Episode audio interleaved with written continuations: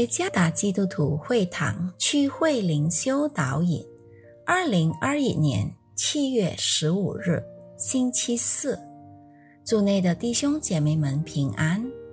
今天的灵修导引，我们将会借着圣经以赛亚书三十章十五节来思想今天的主题：平静安稳在基督里。作者。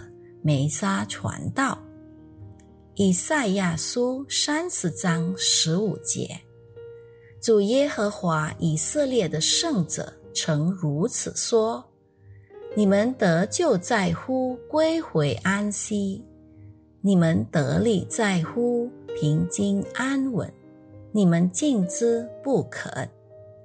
这个世界上没有什么能保证。”每个人都能过上平静安稳的生活。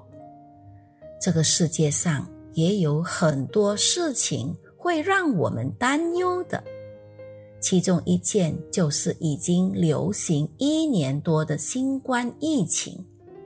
没有人知道新冠疫情何时会结束，每个人都受到影响，各行各业。也都感受到他的感染，从社会平民到官员，从小贩到大企业家，无论贫富，无一例外。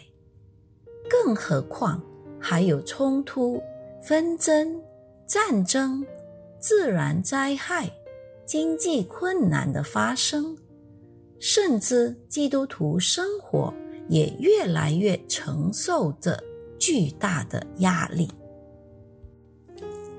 身为信徒，我们必须切记一件事：平静安稳不是一种状况，而是一个决定。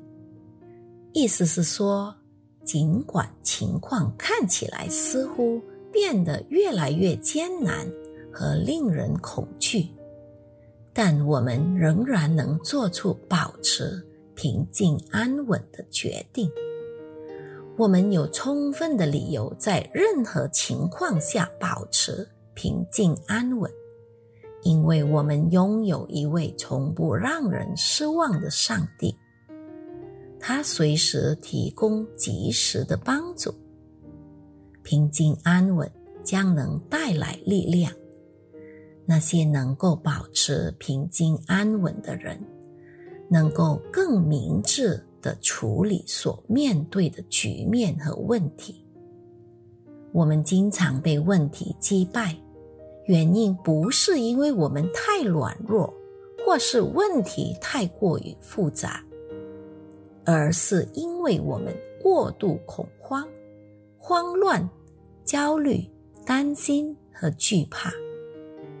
那些不能平静安稳的人，往往总是被认为是消极的，结果做出来的决定可能会因太轻举妄动而错误。平静安稳的人，祷告不仅只是对上帝倾诉他的欲望，一个真正平静安稳的人。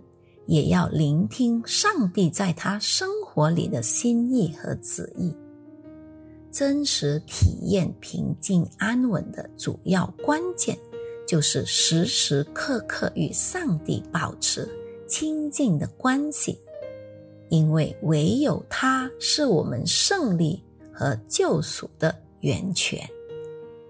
平静安稳吧。世界的局面虽能千变万化，但是上帝的爱与信实却永不改变。